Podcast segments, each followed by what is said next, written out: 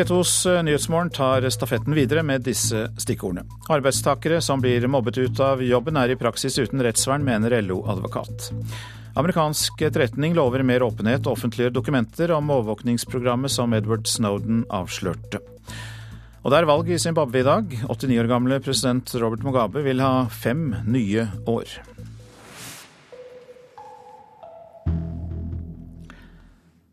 Arbeidstakere som er blitt mobbet ut av jobben, har i praksis ikke rettsvern, mener LO-advokat. Om lag 10 000 arbeidstakere slutter hvert år pga. mobbing på jobben. Og selv om det ikke er lov, så er det vanskelig å bevise at uh, nesten ingen arbeidsgivere er blitt dømt i slike saker. Jeg føler jo selv at jeg har vært utsatt for uh, grove lovbrudd. Og jeg uh, jeg anmeldte det jeg hadde opplevd. Eh, seksuelle overgrep, eh, trakassering og trusler. Hun gjorde det mange ikke gjør, anmeldt arbeidsgiver for å ha mobba hun ut av jobben. For ifølge arbeidsmiljøloven er det ulovlig å mobbe og trakassere ansatte. Men kravene til bevis er så strenge at nesten ingen som hevder å ha blitt mobba ut av jobb, får saken sin opp i retten, forteller LO-advokat Carl Inge Rotmo. Han må si nei til nesten alle som ønsker å anmelde tidligere arbeidsgiver for mobbing eller trakassering. Det er jo slik at de må vurderes eh, veldig konkrete. Altså Hva skjedde, hva ble sagt, hva ble ikke gjort osv. Det er den som eh, har opplevd trakassering, eh, som har bevisbyrden. Det er han som må sannsynliggjøre alle vilkårene for at det skal kunne ende i en erstatning. Og Sånn sett så avviker egentlig trakasseringsvernet seg fra en del andre variasjoner av vern som arbeidsmiljøloven gir til, til, arbeidstakere. For hvis arbeidstaker har blitt diskriminert, så må også arbeidsgiver bevise at det ikke har skjedd. Men slik er det ikke for arbeidstakere som har blitt mobba, forteller Rotmo. Arbeidstaker en, skal vise at det har vært en, noe som kan være diskriminering. Arbeidsgiver skal vise at ja, det har kanskje vært det, men det har vært saklig. I trakasseringssaker så er dette helt annerledes. Her er det arbeidstakeren som må bevise absolutt alt. Over 50 000 arbeidstakere sier de har blitt mobba på jobben, og nesten dobbelt så mange opplever sexkommentarer og lignende. Det er flere enn for sju år siden, viser tall fra Arbeidsmiljøinstituttet. For de som til slutt slutter i jobben, er rettsvernet elendig, mener LO-advokaten. For også de få som forsøker å gå rettens vei, har vanskelig for å bevise mobbinga. Etter mange år så ble til slutt saken henlagt pga. bevisets stilling. Eh, og det gikk langt i å vise til at man kan ikke se bort fra at straffbare ting har skjedd, men at det er veldig vanskelig å bevise dette i retten. Så saken ble henlagt pga. bevisets stilling. Reporter Marit Gjelland. Og eh, du er med oss fra studio i Bergen, Ståle Einarsen, professor i psykologi ved universitetet der. Du har jo i mange år forsket på mobbing og trakassering i arbeidslivet. og eh, Er du enig i LO-advokatens syn på de mobbedes rettsvern? Ja, altså det, det er klart det, eh, det er veldig vanskelig i, i rettsapparatet å kunne bevise de tingene der. Nå er det klart det finnes en annen innfallsvinkel til det òg, og det er jo å se på hvorvidt arbeidsgiver faktisk har satt i verk de tiltakene som de skulle eh, i, en sånn sak. Det er en annen innfallsvinkel til det hele. Men eh, vi hørte jo da at diskriminering, der skal arbeidsgivere bevise at det ikke har skjedd. Men når det gjelder mobbing, så må arbeidstaker bevise at det har skjedd. Burde man snudd bevisbyrden?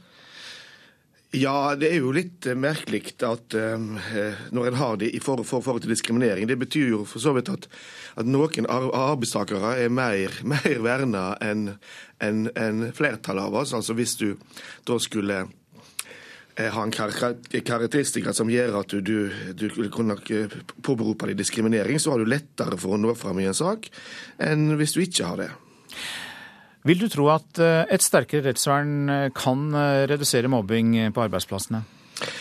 Ja, jeg tror det vil sette enda større krav til arbeidsgivere på å håndtere sakene internt før de kommer så langt. Du har jo da forsket på dette, som vi nevnte, og mobbes det mer eller mindre på jobben nå enn før? Våre data tilsier at det mobbes ganske mye mindre. Da. Vi har gjort undersøkelser sånn fra 1990 til 1993-1994. Gjorde vi masse store undersøkelser. og Da fant vi at rundt 9% opplevde seg mobba på jobben.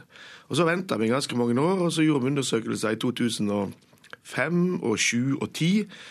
Og da var det ca. halvparten, ca. 4,5-5% som opplevde det samme. Du nevnte at arbeidsgiverne jo har et ansvar for å følge opp eh, mobbesaker og eh, prøve å forhindre at det skjer. Eh, hva er det loven sier her som pålegger arbeidsgiverne å gjøre? Ja, Loven pålegger ting. Pålegger når den pålegger å ha rutiner for at ansatte skal kunne melde fra om den type saker. Eh, og så pålegger en da å undersøke om, om, om, det som har skjedd, er, er et brudd på arbeidsmiljøloven. Og da er det viktig å si at arbeidsmiljøloven er jo mye strengere enn mobbebegrepet. Eh, mobbing, problemet med mobbing er at det skal ganske, ganske mye til. Altså Én ting er å bevise selve hendelsene, slik som vi hørte i denne uh, saken. Uh, i, i, tillegg så skal det jo ha foregått over lang tid, uh, og skal ha, du skal ha problemer med å forsvare deg. Men arbeidsmiljøloven beskytter deg egentlig mot enhver form for utilbørlig opptreden, krenkelse av identitet og verdighet, og enhver uheldig psykisk belastning. Så Sånn sett så trenger du ikke være mobba for at, for at loven er brutt. Og Da er arbeidsgiver pålagt å sette inn undersøker om også disse bestemmelsene er brutt, og sette inn tiltak for å forhindre videre brudd. Takk skal du ha, Ståle Einarsen, professor i psykologi ved Universitetet i eh, Bergen. Kontantstøtten er blitt betydelig mer populær blant foreldre til ettåringer siden nyttår. Utgiftene er 40% høyere enn regjeringen beregnet. Kristelig Folkeparti vil at barnefamiliene skal få enda mer støtte enn dette, som vi vet, mens Senterpartiets nestleder Trygve Slagsvold Vedum mener at familiene har nok valgfrihet. Og han er glad for at det nå er de minste som får mest. Det viser at eh, valgfriheten til foreldre med små barn har økt. At flere velger å bruke mer tid med de minste barna. Senterpartiets Trygve Slagsvold Vedum er glad for at kontantstøtteutgiftene øker. Han var en av arkitektene da regjeringen nektet foreldre til toåringer kontantstøtte, og økte summen til de minste barna.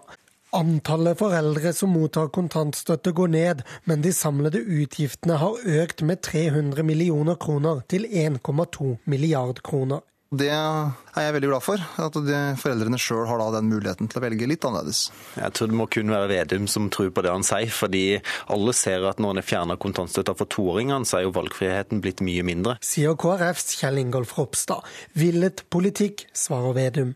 Men vi ønska eh, å, å gjøre en prioritering. At det var når barna var minst, at eh, flest ønska å dele mer tid med sine unger. Eh, og Derfor så prioriterte vi da å øke støttebeløpet til 5000 kroner for de aller minste barna og det har gitt effekt. Politikk handler om å prioritere. Her har vi prioritert det minste, og det gjør at flere velger å bruke mer tid sammen med sine barn. Vedum vil nå kjempe for to barnehageopptak hvert år, en dobling av dagens praksis. Han mener det er det viktigste familietiltaket den rød-grønne regjeringen skal gjennomføre dersom de får fortsette. Det viktigste nå er å ha to årlige opptak i barnehagen. For Det var en stor seier å få til ett årlig opptak. Eh, rett til det, Men det neste må være at vi skal ha ett opptak rett etter jul og ett uh, rett etter sommeren. Som gjør at det gir enda mer fleksibilitet uh, for småbarnsforeldre. Og at man ikke trenger, som noen sier at de gjør, planlegge for å få barn før, før sommerferien er over. En borgerlig regjering vil også prioritere barnehageopptak, sier Ropstad. Ja, Vi har foreslått minst to barnehageopptak i året. og Det er jo fordi at en ser nå at det er en gedigen fødselsboom, og at folk under regjeringa sin politikk må planlegge fødslene sånn at de rekker å få født før 1.9. Det viser ikke valgfrihet, og det viser ikke fleksibilitet. og Det er noe KrF har ambisjoner om å gjøre noe med. Og den familiepolitiske debatten tar vi i Politisk kvarter i P2 Alltid nyheter kvart på åtte. Reporter Lars Nehru Sand.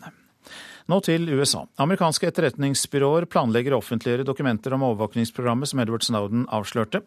Direktøren for nasjonal etterretning i USA, James Clapper, lover mer åpenhet.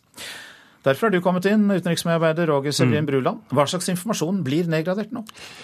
Eh, mellom annet mer fullstendig informasjon om denne hemmelige domstolen som gir NSA og FBI løyve til å overvåke både utlendinger og amerikanere.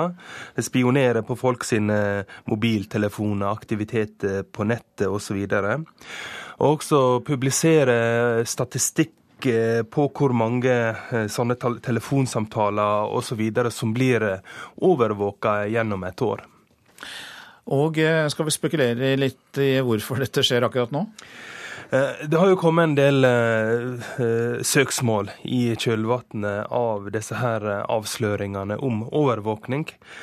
Og Samtidig så har det jo også kommet en veldig heftig debatt både i Senatet og Representanthuset det er jo de som finansierer disse her programmene til den amerikanske etterretninga. Og eh, for mange amerikanske velgere så er jo privatlivets fred veldig viktig. Så det har jo kommet veldig mange kritiske spørsmål om hva er det egentlig eh, NSA driver med. Så det kan virke som at en, eh, en har et ønske, da. Lederen i etterretningskomiteen i Senatet, Dian Feinstein, tok nylig til orde for mer åpenhet. For det første for å, egentlig for å vise at rettene til borgerne i USA blir ivaretatt gjennom denne domstolen. Eh, og også for å vise at overvåkningsprogrammet har stogga flere terrorangrep. Så det kan vise som at en offentliggjør eh, denne informasjonen for å vise at eh, en, en har en viss slags rettsprinsipp som ligger under all denne overvåkninga. Takk for at du oppdaterte oss, Roger Severin Bruland. Nyhetsmorgen heter dette programmet, og klokka den går mot kvart over sju. Vi har disse hovedsakene i nyhetene på morgenen. Thomas Quick kan bli frifunnet for nok et drap i dag. Svensken har tidligere blitt frikjent for sju drap. Politiet og tollvesenet frykter at den nasjonale sikkerheten blir svekket med nye innsjekkings- og sikkerhetsrutiner på Oslo lufthavn. Og vi skal snart høre at kommunene får bedre mulighet til å stoppe forfall av verneverdige bygninger.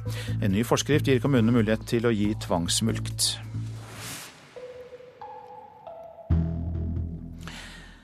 I dag er det valg i Zimbabwe og til president og nasjonalforsamling. Robert Mugabe har styrt landet med hard hånd siden frigjøringen i 1980, for 33 år siden altså. Nå vil han ha fem nye år, selv om han er 89 år gammel. Det blir kappestrid mellom Mugabe og Morgan Svangerai nok en gang. Du er med oss, Afrikakorrespondent Lars Sigurd Sunnaa. Mugabe har jo et dårlig rykte internasjonalt, så hvor frie blir valgene? Den anerkjente fredsfremmende tankesmien International Crisis Group la for to dager siden frem en rapport som i klare ordelag sier at rammebetingelsene for et fritt og ryddig valg rett og slett ikke eksisterer. Manntallene bærer preg av et salig rot, valgkommisjonen er dårlig forberedt, og beskyldningen om fusk er allerede gjennomtrengende, som det heter. Verst er det med manntallene. Tusenvis av avdøde personer er registrert som velgere, mens hundretusener av stemmeberettigede ungdommer ikke er tatt med. Det skal på toppen av det hele være registrert rundt 100 000 velgere, som i øyeblikket må være over 100 år gamle. Robert Mugabe og hans parti, Zimbabwe African National Union Patriotic Front, SANU-PF som det heter, presset frem valgdagen til tross for alle advarsler om at den kommer altfor tidlig. Så en må være forberedt på at gjennomføringen og opptellingen av stemmene de nærmeste dagene ikke kommer til å gå helt på skinner. Under urolighetene under siste valg for fem år siden så gikk jo rivalene Morgan Svangerai og Robert Mugabe inn i en avtale om maktdeling, altså henholdsvis som statsminister og president. Har Svangerai i det hele tatt klart å utrette noe i skyggen av Mugabe? Han har ikke hatt armslag som statsminister. Hans samlingsregjering har vært dominert av Mugabes parti, SANU PF. Men hans eget parti, Bevegelsen for demokratisk forandring, MDC, har hatt finansministeren. Tendai Bitti, og han gis mye av æren for at økonomien gradvis begynner å komme på beina igjen i Zimbabwe. Den var gått fullstendig av hengslene etter forrige presidentvalg for fem år siden.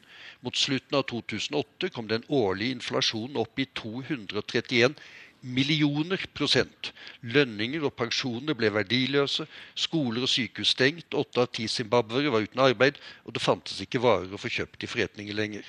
Nå er butikkhyllene fylt igjen, Skoler og sykehus er gjenåpnet, veier får vedlikehold, strømstansen er blitt færre, og fiberkabler knytter stadig flere av de 13 millioner innbyggerne i land til internett. Årsaken til fremgangen er ikke nødvendigvis finansministeren, men først og fremst at Zimbabwe kvittet seg med sin egen verdiløse valuta i januar 2009 og gikk over til å bruke amerikanske dollar i stedet. Det sammen med en økende eksport av mineraler til Kina. Takk skal du ha, Lars Sigurd Sunnane, Afrikakorrespondent. Og det er altså da valg i Zimbabwe i dag. I går ble israelske og palestinske forhandlere enige om å arbeide for en endelig avtale i løpet av ni måneder. Det er et ambisiøst mål, som ble kunngjort på en pressekonferanse i Washington. Og det er da de første direkte samtalene mellom partene på tre år. Og um, likevel så kan vi vel trygt si, utenriksreporter Sissel Wold, tidligere Midtøsten-korrespondent, at dette er uh, noe vi har hørt før. Så hvorfor setter partene seg sammen rundt bordet nå? Dette er jo nærmest et politisk teater, et narrespill, men alle har interesse av at dette skjer. Eh, Israel f.eks. har akkurat eh, fått eh, nye sanksjoner mot EU, strammer til mot bosettings, bosettingspolitikken. Hvis ikke de gjør noe, bare setter seg til bordet, selv om det ikke kommer noe ut av det, så er jo Israel da en evig okkupant på vei til apartheidstyret. Og det er flere og flere som avlyser besøk til Israel nå. Palestinerne må også vise vilje til å sette seg sammen sammen og snakke med israelerne. Hvis ikke så stopper strømmen av penger fra utlandet for å holde det palestinske statsprosjektet flytende. USA vil verne om Israel, så Israel ikke blir isolert. Eh, USA har også veldig mye å vinne på å prøve å få noe til å skje. Eh, så det er ikke veldig mye optimisme her, men jeg skulle ønske at jeg tok feil. Vi vet at undere har skjedd i dette området før, og vi får bare håpe at eh, det kommer til et gjennombrudd. Kanskje. Ja, Det er vel de samme gamle temaene de strides om. Hvilket er det vanskeligste? Er det de israelske bosettingene? Ja, det er bosetterne, grenser, delingen av Jerusalem eh, og eh, flyktningproblemet. Av disse problemene så er grenser mellom Israel og det da fremtidige Palestina, hvis det blir noe av, eh, og flyktningspørsmålet, at eh, rundt fem millioner palestinske flyktninger må få en kompensasjon eller få komme til det fremtidige Palestina. De to tingene der, det er løsbart. Det er vanskelig, men det er løsbart. Det handler om penger og tekniske løsninger. Mens bosetterne, veldig religiøse, mange av dem, som bor i, eh, på det religiøse området Judea og Samaria, sånn som de ser det, gudegitt, eh, og Jerusalem, som er veldig religiøst og følelsesmessig, de to er veldig vanskelige om løsbare i det hele tatt. Før vi runder av i denne omgang, Sysselvold, partene er pålagt 90 dagers taushetsplikt, kan vi vel kalle det. Hvilken betydning kan det ha for framdriften i forhandlingene? Det tror jeg er veldig viktig, hvis de greier å overholde det. For eh, fra begge parter har det vært voldsomme lekkasjer. Så denne eh, politiske dragkampen har også fortsatt i mediene. Ikke minst beskyldningene mot at det er den andre som torpederer eh, mulighetene for fremgang. Hjertelig takk i denne omgang, utenriksmedarbeider Sissel Wold. Nå sport. Tor Hushovd triumferte på gårsdagens tredje etappe av sykkelløpet Polen rundt. NRKs ekspert tror at um, den siste av de tre VM-billettene kan gå til Hushovd. Kristoffer Hushovd bør ha plassen. Det sier NRKs sykkelekspert Jan Post. Sportssjef i Sykkelforbundet Hans Falk innrømmer at det blir et vanskelig valg. Vi sitter jo i noen form av luksusproblem og har flere syklister enn tre å velge av. Så det, det skal vi være glade for. At det er vel de her internasjonale resultatene som vi har savnet den seneste tiden fra Tors side. Men nå begynner oksen fra Grimstad å levere resultater også internasjonalt. Seieren i NM samt i Østerrike og Polen gjør at Hushovd, han er Høyaktuell for en av de eh, formodede tre plasser. Jan Post tror at den som viser seg best i bakkene i rittene fram mot VM, får plassen. Det er en tøff VM-løype i Firenze. Det betyr at Edvald Boasson Hagen og Lars Petter Norhaug er sikre på plass, i mine øyne. Så står den siste plassen mellom Tor Hushovd og Alexander Kristoff. Kristoff var overraskende sterk i bakkene tidlig på sesongen. Eh, Hushovd har vært veldig variabel form. Men på sine beste dager så tror jeg Hushovd burde ha den siste plassen. Selvfølgelig. Så, så når Tor eh, viser at han kan vinne sykkelritt, så, så, er han jo uh, naturligvis høyaktuell. Og Det innslaget fikk vi fra reporter Patrick Steen Rolands. Nå til avisenes eh, forsider. Databruken din kan overvåkes av etterretningstjenestene i flere land, skriver Aftenposten. Er du på en nettside, sender en e-post eller ringer til utlandet, kan de hemmelige tjenestene i USA, Storbritannia og Sverige se alt du gjør i løpet av millisekunder. Amerikanerne har fått nok og ønsker mindre overvåkning, skriver Dagsavisen. Omfanget av myndighetenes overvåkning sjokkerer et flertall av amerikanerne, som nå er mer opptatt av å verne sitt eget privatliv enn av terrorisme. Finansminister Sigbjørn Johnsen og datteren Ida Marie pryder forsiden av Vårt Land for å illustrere at det blir mer likestilling i familier der fedrene tar permisjon. Johnsen vakte oppsikt da han valgte å være hjemme med datteren for 22 år siden, og sier at eh, han tror det har gjort hans familie mer likestilt. Tar abort for å sikre karrieren, det er oppslaget i VG. Leger og veiledere har registrert at mange kvinner i voksen alder velger å ta abort pga. krevende arbeidsliv og økt karrierejag. Karakterer i barneskolen får stryk. Kristelig Folkeparti og Venstre lover kamp mot Høyres forslag om karakterer. Det skriver Dagens Næringsliv. Det er rett fett om Ola Borten Moe eller en fra Fremskrittspartiet sitter som olje- og energiminister, sier Leif Sande. Han er leder av LO-forbundet Industri Energi. Sande er sjokkert over at Ola Borten Moe sier ja til Statoils utflagging. En stortingsreferent nektes flere oppdrag etter at han hetset AUF-leder Eskil Pedersen på Facebook, skriver Dagbladet. Mannen kritiserte AUF-lederens flukt fra Utøya, og får ikke flere oppdrag som tilkallingsvikar fordi han har opptrådt i strid med de etiske retningslinjene, mener altså administrasjonen på Stortinget. Vegvesenet har delt inn lokalpolitikere i sabotører og allierte, kan vi lese i Fedrelandsvennen i dag. Karakteristikkene ble brukt i en intern rapport under arbeidet med ny trasé for Europavei 39. Og nå skaper de rabalder blant politikerne på Sørlandet. Vi fyllekjører mest, skriver Nordlys. De tre nordligste fylkene har den høyeste andelen sjåfører tatt i alkoholpåvirket tilstand. Det viser tall Folkehelseinstituttet har samlet inn.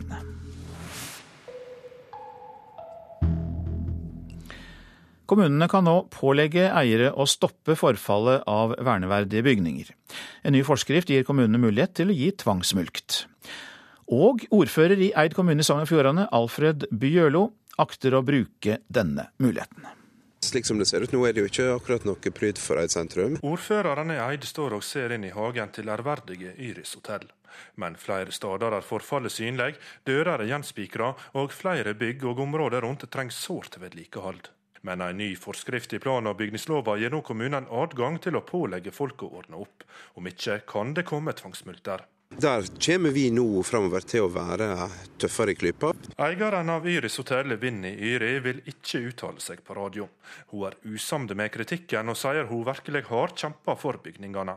Her i Tverrgata og den delen av Eidsgata er det jo et fantastisk flott gammelt bygningsmiljø. Tilbake i Nordfjordeid sentrum viser ordførerne fram det som er et av de mest spesielle og bevaringsverdige trehusmiljøene på Vestlandet. Det er klart Når vi har ei bygning midt inni dette som ikke er tatt vare på, så velger vi også her, også av omsyn til alle de andre huseierne som tar vare på husene sine, og sier at kommunen krever eh, tiltak for å ta vare på huset. Huseieren Randi Henden Tranås sier hun ser positivt på at kommunene vil ta vare på bygningsmiljøet, men er usamd i at trangen er stor. Nei, det kan jeg ikke skjønne. Huset er jo i bruk og bortleid. Det skulle vært malt utvendig, og det har jeg jo planer om. Jeg ser absolutt fram til å, å, å, få en dialog. Jeg håper jo at sakene løser seg med det gode, at vi får til nå en dialog med de private eierne, og at sakene løser seg uten at en nær sagt må bruke lovverket fullt ut. Asgeir Reksnes var reporter. Nordmenn sender nesten ikke postkort fra sommerferien lenger. Internett, mobiltelefoner og e-post har tatt over for det gode gamle prospektkortet. Men vi blir fremdeles like glade for å få en hilsen i papirform. Vi merker nesten år for år at det blir mindre og mindre både kort og personlige brev. Så. Postveska til postbåt Martin Seiersten er ikke tung å bære gjennom Sommer-Oslo. For ferierende nordmenn finner det langt sjeldnere enn før for godt å sende postkort hjem fra turer til nære eller fjerne strøk. Seiersten har delt ut post i 25 år, og etter dagens 1000 fylte postkasser er det ikke mange som har fått et kort å henge på kjøleskapet. Mellom fem og ti, kanskje ti. Det er vel en gjennomsnittlig dag da, på sommeren. Det er ikke mange. Det blir ikke sånn at man leverer postkort i hver oppgang. Hvis du gikk en dag i juli for 20 år siden. Hvor mye mer postkort ville du hatt bærende på da? Det er sikkert bare 10 igjen nå av, av, det det var på den tida. Sender du postkort fra ferieturen lenger? Eh, ikke så mye, men min fru har gjort det. Så at, eh, til eh, ja, eh, bekjente og foreldre og sånne som man vil vite at man tenker på dem. og som vi alle bør gjøre mer. Jeg sender hver gang jeg er på ferie i utlandet, egentlig. Hvorfor da? Fordi det er jo litt koselig for de som får det, tror jeg. Postkort er veldig hyggelig, men, eh, og jeg kjøpte noen i fjor sommer, men de ble aldri sendt. Dessverre. Det er det å ta tiden til å sette seg ned og skrive de, som eh, ja, man kanskje ikke gjør under ferien, da. Det var svarene fra de kofferttrillende NRK møtte på flytogterminalen på Oslo S. Og de er nokså representative for folket, ifølge pressesjef i Posten, Hilde Ebeltoft Skaugrud. Det er jo noen som fremdeles gjør det. Og så må jeg jo si at uh, en undersøkelse vi gjorde for uh, en stund tilbake, viser også at nordmenn ønsker seg kort. Uh, selv om vi kanskje ikke skriver så mange. Men de som skriver, det er altså flest kvinner. Og da også flest unge kvinner under 35 det er eh, de som leverer varene. og det er internett som får skylda for postkortdauden. Så vi har funnet nye måter å kommunisere på. Eh, og det er vel sånn at vi kommuniserer mer i dag enn det vi gjorde tidligere. Men eh, vi har funnet andre veier gjennom bruk av smarttelefoner, sende MMS, SMS, e-post. Men Posten har prøvd å møte nedgangen. Med en postkortapplikasjon på smarttelefon eller internett kan en laste opp et bilde og skrive inn ei hilsen. Så trykker og sender Posten kortet for deg. I løpet av denne måneden har det blitt sendt 4500 slike kort. Men det er likevel noe som forsvinner med de gode, gamle, håndskrevne feriekortene, mener Seiersten. Det blir noe mer personlig over det, ikke sant. Det er mange som bruker litt tid på å utforme kortene fint. altså lage noen tegninger, altså skrive litt, litt, ekstra, på en måte. Så da, da, blir det på en måte noe annet enn å få en mail. Det er jo trist at det er eh, blitt så lite postkort og personlig brev. På jakt etter postkortene, det var vår reporter Maria Pile Svåsand. Som vi har hørt tidligere i sendingen, i dag er det presidentvalg i Zimbabwe. Vi sender et portrett av 89 år gamle Robert Mugabe etter Dagsnytt. Han vil altså ha fem år til i jobben. Høyres ønske om å fjerne foreldrekvoten i fødselspermisjonen skal opp til debatt i Politisk kvarter. Og vi tar med at produsent for Nyhetsmorgen i dag er Vidar Eidhammer. Her i studio Øystein Hegge.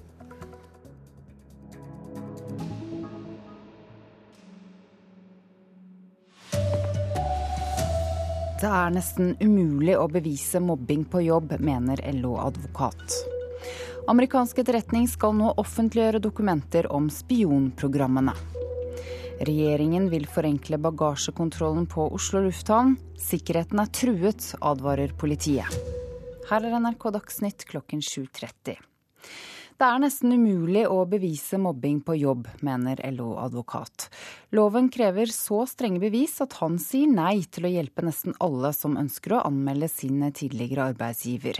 Over 50 000 nordmenn blir mobbet eller trakassert på jobb, og for de som slutter i arbeidet er det veldig vanskelig å få erstatning. Jeg føler jo selv at jeg har vært utsatt for eh, grove lovbrudd. Og jeg eh, anmeldte det jeg hadde opplevd. Eh, seksuelle overgrep, trakassering og trusler. Hun gjorde det mange ikke gjør, anmeldt arbeidsgiver for å ha mobba hun ut av jobben. For ifølge arbeidsmiljøloven er det ulovlig å mobbe og trakassere ansatte. Men kravene til bevis er så strenge at nesten ingen som hevder å ha blitt mobba ut av jobb, får saken sin opp i retten, forteller LO-advokat Carl Inge Rotmo. Det er den som eh, har opplevd trakassering, eh, som har bevisbyrden. Det er han som må sannsynliggjøre alle vilkårene for at eh, det skal kunne ende i en erstatning. Men slik behøver det ikke være. En lovendring vil styrke rettsvernet til mobbeofrene, mener han. Her bør lovgiver innføre det vi kan kalle for delt bevisbyrde, sånn som i diskrimineringssakene. Da.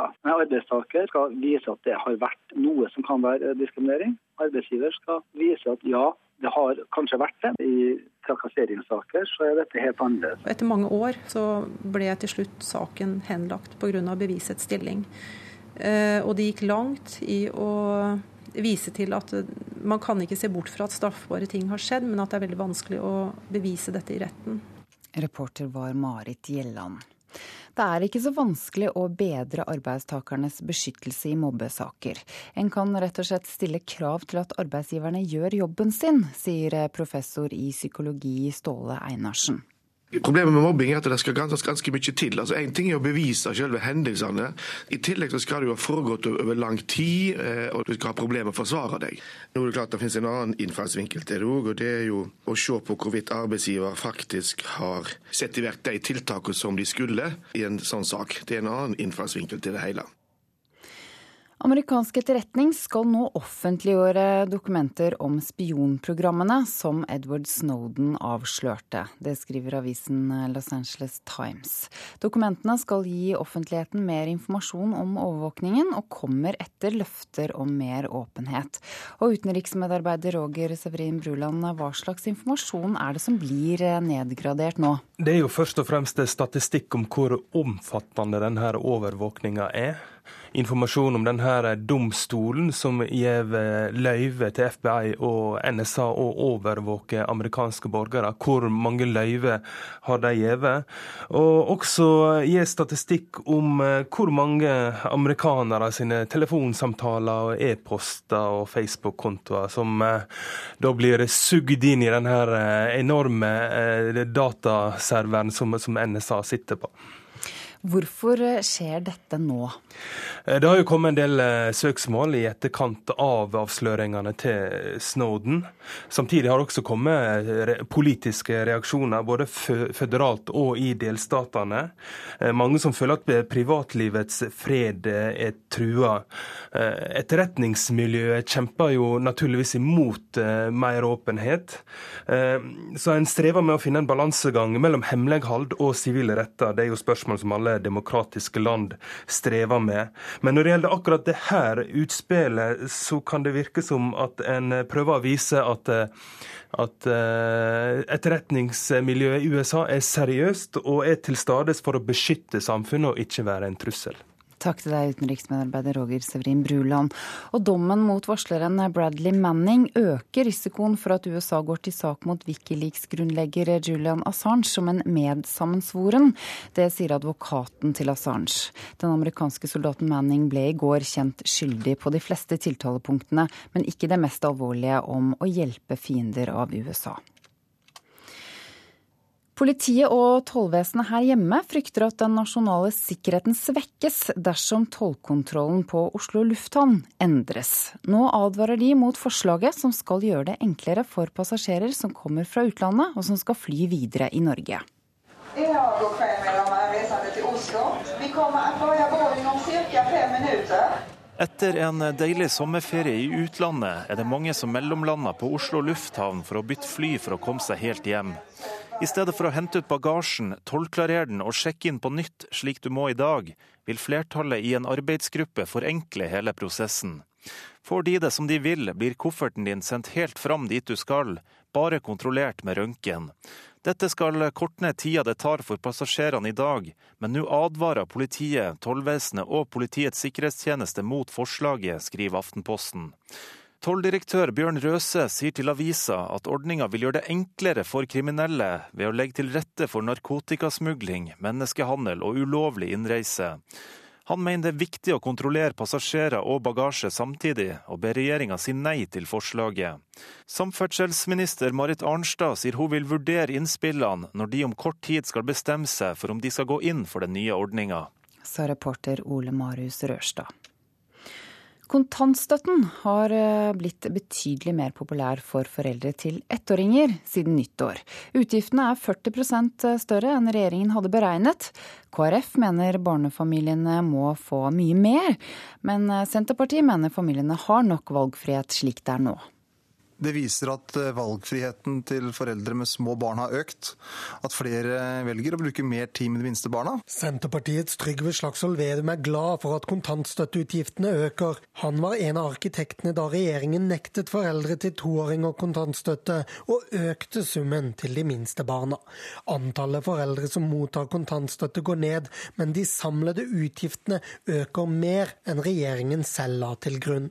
Det er jeg veldig glad for. At de, foreldrene sjøl har den muligheten til å velge litt annerledes. Jeg tror det må kun være Vedum som tror på det han sier. fordi alle ser at når en har fjerna kontantstøtta for toåringene, så er jo valgfriheten blitt mye mindre. Sier KrFs Kjell Ingolf Ropstad. Villet politikk, svarer Vedum. Men vi ønska eh, å, å, gjøre en prioritering. At det var når barna var minst, at eh, flest ønska å dele mer tid med sine unger. Eh, og Derfor så prioriterte vi da å øke støttebeløpet til 5000 kroner for de aller minste barna og det har gitt effekt. Det blir eh, debatt om dette i Politisk kvarter på P2 klokken kvart på åtte. Reporter var Lars Nehru Sand. Mange kvinner velger å ta abort for å kunne prestere bedre i arbeidslivet. Det sier leger og graviditetsveiledere til VG i dag. De sier mange kvinner i starten av en jobbkarriere ser på graviditet som en hindring. Vi venter full frifinnelse i dag. Det sier advokaten til Sture Bergwall, som også er kjent som Thomas Quick. Svenske Bergwall ble først dømt for åtte mord, annet på tre nordmenn, men har nå blitt frikjent for sju drap.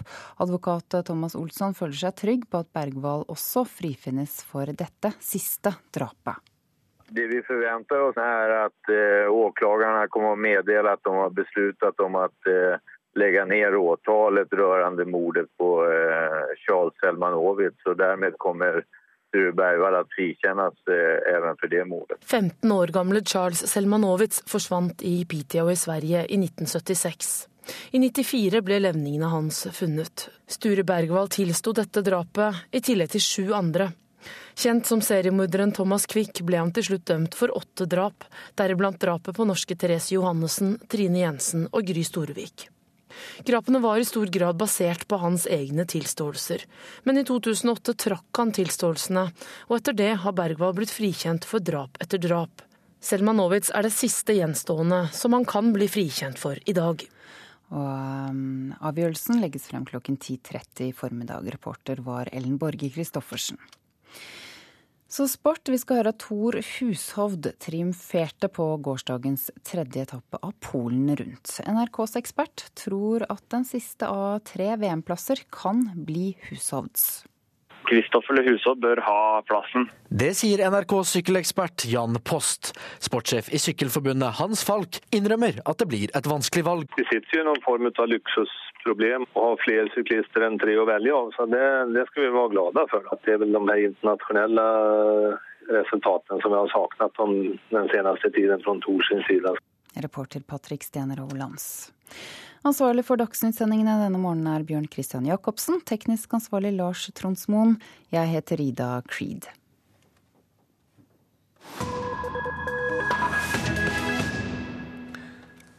Du lytter til P2s Nyhetsmorgen. I dag er det presidentvalg i Zimbabwe. Nok en gang står det mellom de to rivalene statsminister Morgan Swangerai og president Robert Mugabe. Joar Ho Larsen har tegnet dette portrettet av sistnevnte. On behalf of the General Assembly, I have the honor to welcome to the United Nations His Excellency Robert Mugabe, President of the Republic of Zimbabwe, and, and to invite him to address the Assembly. Zimbabwes president Robert Mugabe taler til FN. Men det er stadig færre som lytter, eller mer korrekt, bryr seg. I fjor benyttet han anledningen til å hylle Libyas avdøde og ifølge Mugabe avholdte Muammar Gaddafi, som Nato og USA tok livet av, som han sier. The head of state of Libya, Gaddafi. It was a loss, a great loss to Africa. Samtidig var det en advarsel til Zimbabwes egne innbyggere om hva som kan skje om noen forsøker å styrte presidenten. På ny er det valg i Zimbabwe, og den snart 90 år gamle presidenten Robert Mugabe kan meget vel bli gjenvalgt, slik han er blitt ved forskjellige anledninger siden han ble valgt til statsminister første gang i 1980. Men i løpet av de 33 årene som er gått, så har den en gang så folkekjære frigjøringshelten forandret både seg selv og sin politikk. I dag omtales han internasjonalt som en folkevalgt diktator en totalitær statssjef med et slags folkeflertall bak seg. For det er ingen tvil, han har vunnet de valgene han har stilt opp i. Det som er uklart, er i hvor stor grad trusler og vold, valgfusk og opptellingsjuks har bidratt til seirene. Men det skal han ha. Han spiller rollen som folkets tjener godt. The only persons with the power to remove Robert Gabriel Mugabe are the people of Zimbabwe. Da avkoloniseringen av Afrika skjøt fart for et halvt århundre siden, gikk det forholdsvis smertefritt enkelte steder, mens det i andre land, som i Sør-Rhodesia, var svært vanskelig. Den britiske kolonien hadde en ikke ubetydelig hvit befolkning, som var lite innstilt på å la det svarte folkeflertallet få innflytelse og medbestemmelsesrett. De hvite utgjorde om lag 5 av innbyggerne, Og med statsminister Ian Smith i spissen erklærte de såkalt ensidig uavhengighet, altså uten hensynstagen til verken kolonimakt eller folkeflertall. I don't believe in black majority rule ever in Rhodesia. Not in a thousand years. UDI, som det ble kalt, banet vei for svart protest. Hvilket ikke ble tolerert av regimet, så den 40 år gamle Robert Mugabe ble arrestert, og det skulle ta ti år før han ble løslatt. Da trakk han seg ut i bushen og ble med i opprørskrigen mot det hvite mindretallsregimet. Han ble snart en av lederne, og til slutt selve lederen med stor L i uavhengighetskampen. Han ble vestlige radikaleres favorittneger, som det var lov å si den gangen. Studentaktivister og antiimperialister, sosialdemokrater og borgerrettsforkjempere, alle støttet den jesuittskoleutdannede, maoistsympatiserende geriljahelten. Riktignok var det skeptikere og kritikere. Men Mugabe var også en slu forhandler. Han var kompromissvillig og snakket om forsoning mellom alle folkegrupper. Alt virket så lovende for landet som tok det historiske navnet Zimbabwe. Men mye har gått galt. Mange mener det er på grunn av Robert Mugabe. Selv sier han at de som mener det, er offer for vestlig propaganda og internasjonale mediers desinformasjonskampanjer mot ham. Dette er hovedsakene i Nyhetsmorgen. Arbeidstakere som blir mobbet ut av jobben er i praksis uten rettsvern, mener LO-advokat. Thomas Quick kan bli frifunnet for nok et drap i dag. Svensken har tidligere blitt frikjent for sju drap. Politiet og tollvesenet frykter at den nasjonale sikkerheten blir svekket med nye innsjekkings- og sikkerhetsrutiner på Oslo lufthavn. Og det blåser kraftig rundt Høyres ønske om å fjerne fedrekvoten i fødselspermisjonen. Programleder i Politisk kvarter, Bjørn Bø. Høyres motstand mot pappaperm er partiet på sitt mest forstokket prinsipielle, står det på lederplass i Verdensgang i dag.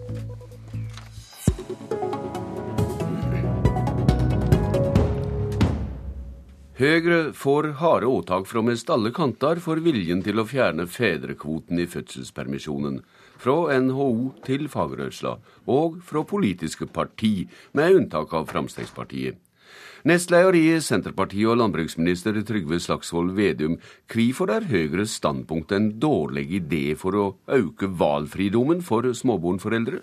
Det at vi nå har brukt eh, store offentlige penger på å øke foreldrepermisjon og ha nå 14 uker pappaperm har vært en kjempesuksess. 90% av norske fedre tar nå pappaperm. Eh, og f.eks. meg sjøl, det er et enormt privilegium å kunne få lov til å dele mer tid med de aller minste. Og at vi får en mer likestilt uh, familiepolitikk der både mor og far tar ansvar hjemme. Det ja, Men dette styr... kan du vel finne på sjøl i familien? Jo, men, jeg, men, jeg, men, noen ganger så er det eh, riktig eh, å gi noen rettigheter til enkelte grupper. Og det er eh, riktig å gi rettigheter til fedre.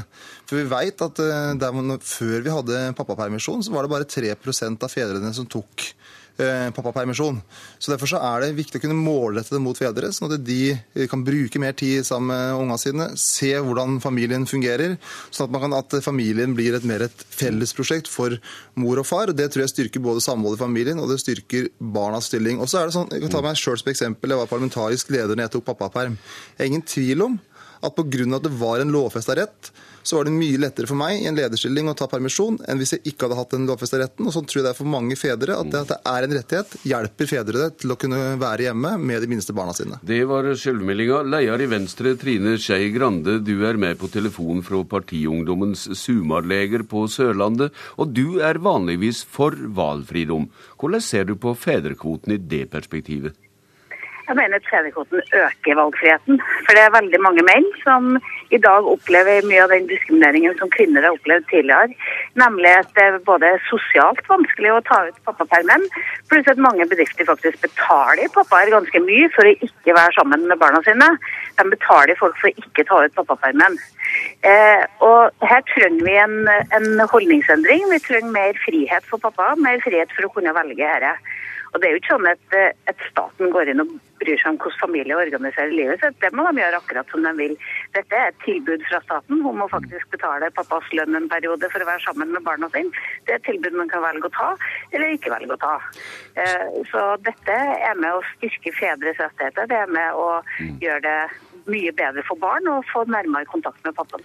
Stortingsrepresentant for Høyre Nikolai Astrup, hva er ditt svar på utsegner om at det lager valfridomspolitikk ved skrivebordet og ikke i røyndommen?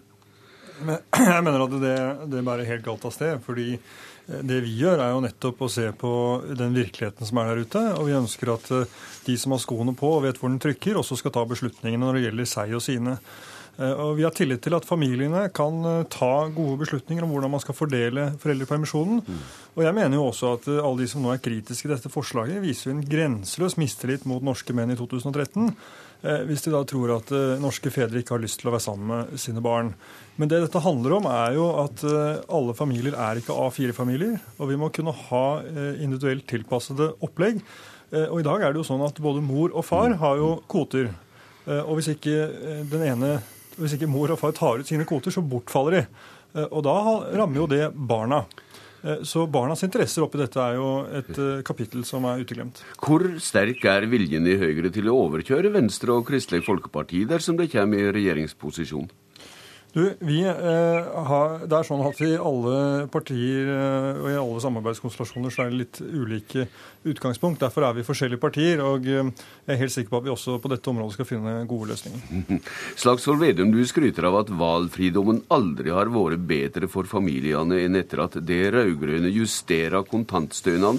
Mener du virkelig å tevle med opposisjonen om selve valfridommen? Ja, absolutt. For Den største valgfrihetsreformen vi har gjort, er jo at vi har klart å sikre full barnedekning barnehagedekning, så at alle vet at de får en barnehageplass. Det er en stor reform, en milliardreform. Og det vi har gjort nå på kontantstøtta, med at vi har målretta, vi gjort en politisk prioritering. Vi har målretta mot de minste barna, økt beløpet opp til 5000 kroner. Gjør at mange småbarnsforeldre da i overgangen mellom foreldrepermisjon barnehage gjør at de har større muligheter hvis de ønsker å bruke litt mer tid sammen med det minste sjøl når foreldrepermisjonen er over. Og Det har vi jo sett nå i vår, at bruken av kontantstøtte er på vei opp. At det er flere ettåringer som bruker kontantstøtta i år enn i fjor. Det, så vi har en politikk tilpassa virkeligheten, og samtidig har vi noen politiske mål. Og Et av de politiske målene er at vi ønsker et mer likestilt samfunn, at barna skal få et godt forhold til både mor og far. og at Derfor så har vi da økt foreldrepermisjonen med seks uker og pappapermen med 14. Så det har vært en veldig målretta politikk, og det gir småbarnsfamilier i Norge større valgfrihet valgfrihet i sum. Trine Skei Grande, hvordan ser du på uh, valgfridomskampen imot de rød-grønne uh, når det gjelder familiepolitikken? Nei, jeg tror det er viktig. Dette er en viktig valgfrihetsreform. For det handler om å gi noen støtte til å, å, å ta valg som de ellers antageligvis ikke kommer til å tatt. Hvis Nikolai Astrup hadde hatt rett, eh, at dette ikke betyr noe for, for fedre, så er det jo underlig da, at vi opplever at fedrene faktisk mye mer brukt permisjonen når de, når de fikk denne muligheten.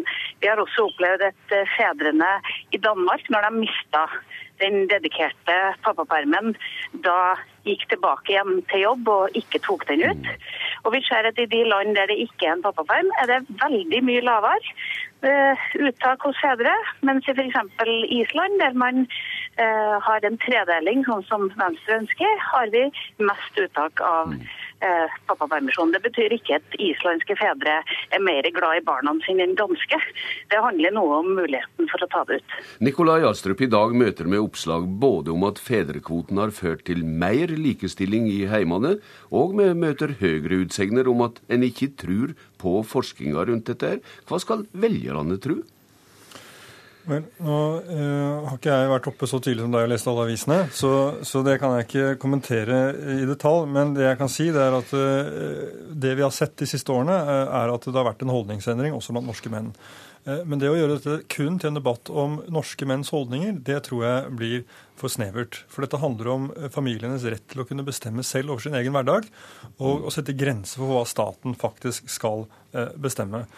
Eh, og så tror jeg jo at eh, f.eks. hvis man driver enkeltmannsforetak, enten man er kvinne eller mann, eh, så vil disse kvoteordningene ramme veldig hardt. Og for et enkeltmannsforetak som f.eks. er, eh, som for eksempel, eh, en fysioterapeut, så er det kroken på døren hvis du må ta ut tre måneders permisjon fordi du mister alle kundene dine. Eh, og Dette gjelder jo både for kvinner og menn, så problemet er ikke noe større for fedre enn det er for mødre. Og, så tror jeg også, den, den, siste ting jeg vil si er at det, det bygger på, tror jeg det bygger på en misforståelse i 2013 at arbeidsgivere syns det er så fryktelig mye mer attraktivt å ha menn på jobb enn kvinner. Altså Når mannen går tilbake i permisjon, så kommer kvinnen ut i arbeidslivet. Og jeg tror ikke at eh, kvinnens arbeidskraft er så mye mindre verdt enn mannens er, slik både Venstre og Senterpartiet her legger til grunn. Det er spørsmål om grenser for politikk, eh, sier Astrup Per Slagsvold Vedum. Hvor viktig blir fedrekvoten i valgkampen? Det er en veldig viktig sak. Vi bruker jo nesten 20 milliarder kroner på foreldrepenger i Norge. Så det er en tung politisk eh, prioritering vi har på, på fedrekvote. Og da er det jo det å klare å eh, videreføre en god foreldrepermisjon der både mødre og fedre er hjemme. Det er klart det er en viktig politisk prioritering for Senterpartiet sammen med Arbeiderpartiet og SV. For vi mener at det har vært en vellykka politikk å se at nå nesten 90% av fedre da velger mer tid med de minste barna sine. Men vi vil jo da at eh, norske fedre skal ha muligheten til å være lenger hjemme enn det Senterpartiet vil, ved at man ikke skal ha øremerkede kvoter også eh, både for, for kvinner men, og for menn. Men det vet jo Astrup helt utmerket godt. Det kan jo fedre nå hvis vi, de vil. Vi absolutt, nei, de kan ikke det, fordi dere har en mødrekvote på 14 uker. Ja, Slagsvold Vedum, som dere har akkurat nå har innført. Vi uh, har visst mista Trine Skei Grande fra Sørlandet her, men Nikolai Astrup, jeg har sett kommentarer om at Høyre har skutt seg sjøl ved foten i denne saka. Hvordan smerter det? Jeg er helt uenig i den beskrivelsen. fordi For oss så handler dette om å sette grenser for politikk. Det handler om å la familiene selv bestemme. Det er de som vet hvor skoen eh, trykker. Eh, og, eh, og, de må kunne tilpasse sin permisjon etter de forholdene de har. Og, og, det kan være mange ulike grunner til at folk ønsker forskjellige eh, måter å organisere dette på. Kan, det kan være nordsjøarbeidere, turnusarbeidere, det kan være eh, folk som driver enkeltmannsforetak, eller andre som har behov for å tilpasse permisjonen etter sin mm. hverdag, og det skal vi la dem gjøre. Da må jeg si takk til dykk Nikolai Astrup, Trine Skei Grande og Trygve Slagsvold Vedum for dette som de alle har sagt bare er ei overtyre til denne saka i valgkampen.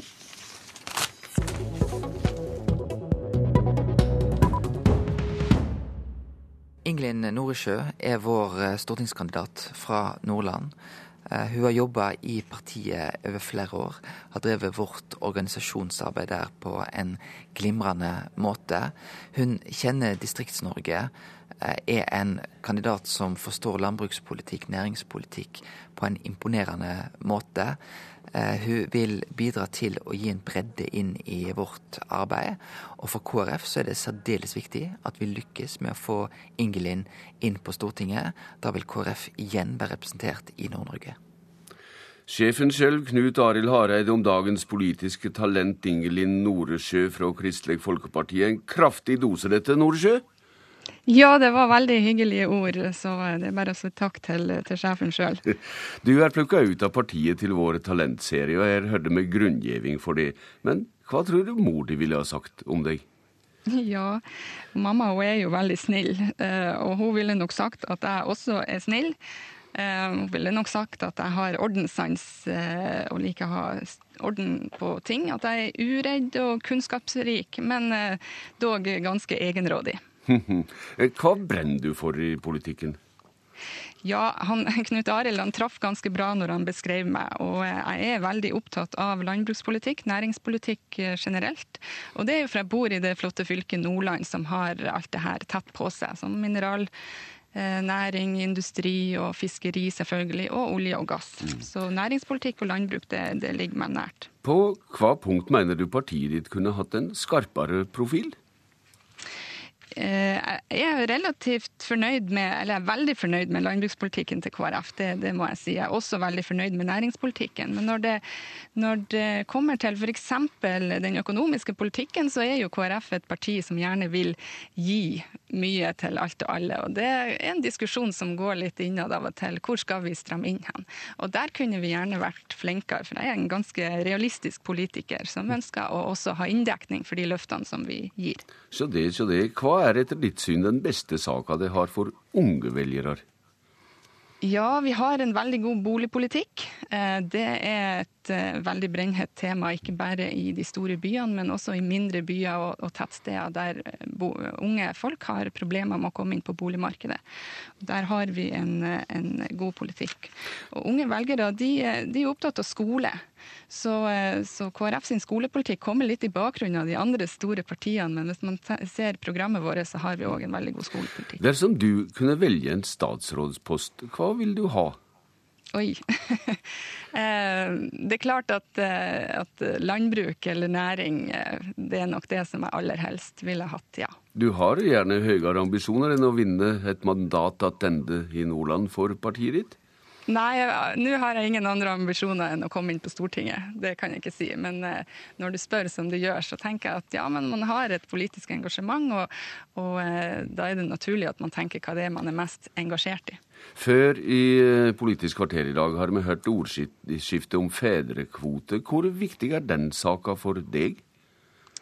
Jeg har tre, tre små barn sjøl og har jo vært ute i permisjon og også brukt kontantstøtta for alle tre ungene, i hvert fall eh, delvis.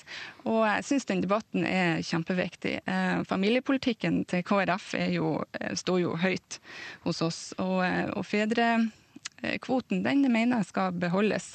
Jeg er helt på linje med KrF der, og jeg håper at Venstre og KrF, hvis vi kommer inn i regjering sammen med Høyre, at vi vinner den saken. Hmm. Hvor mange prosent oppslutning får Kristelig Folkeparti ved valget, slik du ser det akkurat nå? Eh, målet er at vi skal være nådd eh, Vi skal tidligere ha nådd bunnen, at vi nå er på vei oppover. Og alt som er bedre enn 5,5% det vil være et løft. Eh, så jeg satser på at vi havner over sekstallet et eller annet sted. Men noe mer vil jeg ikke tippe. Du har eh, en del tusen røyster å vinne for å få dette mandatet for partiet ditt tilbake i Nordland. Hvordan skal du drive valgkamp nå, da, du som er slik et framifrå talent? Ja. Eh, nei, Nordland er et langt og, og eh, mangfoldig fylke, så det blir å reise rundt i alle kriker og kroker. Jeg starter i morgen. Og eh, det blir å fære med videre eh, fram og tilbake og være med i debatter, helse på folk, mm. gå på husbesøk og stå på stand og gjøre det jeg kan for å være aktiv også i media. Takk til deg, talent Ingelin Noresjø. Politisk kvarter er slutt. Jeg heter Bjørn Bø.